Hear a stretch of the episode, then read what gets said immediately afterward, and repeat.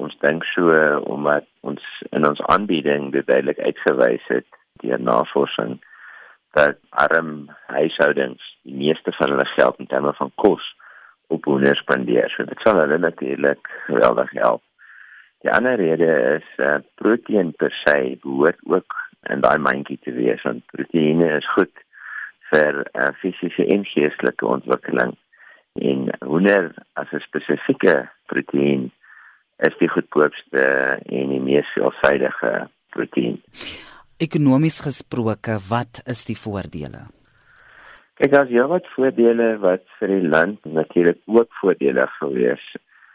Hoenderprodusente en die hoenderbedryf is meestal in die platteland. Dis waar ons fabrieke is en, en ek dink dis ook waar daar werk geskep moet word vir al. So as uh, hoender nou ingesluit word in 'n mandjie, dan behoort jy uit te sien dat verbruik ons bereken omtrent met 7.8% sal toeneem. En dan is daar omtrent 11 12000 werke wat ons glo geskep kan word. Daar's natuurlik in terme van staatsinkomste ook 'n voordeel en ons reken omtrent 3.6 miljard in terme van ekstra GDP om dit so uit te druk daar sou omtrent 'n miljoen rand in addisionele staatsinkomste wees en so voor van werke en belastings en so voort meer geld. En ons dink ook omtrent 80 miljoen in addisionele inkomste vir arme huishoudings beskikbaar wees.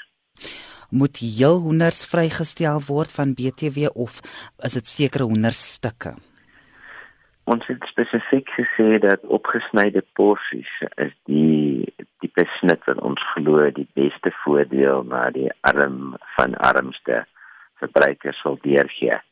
Want die hele mandjie se se fokus is daarop om vir die arm van die armste uh, verbruikers 'n voordeel te gee.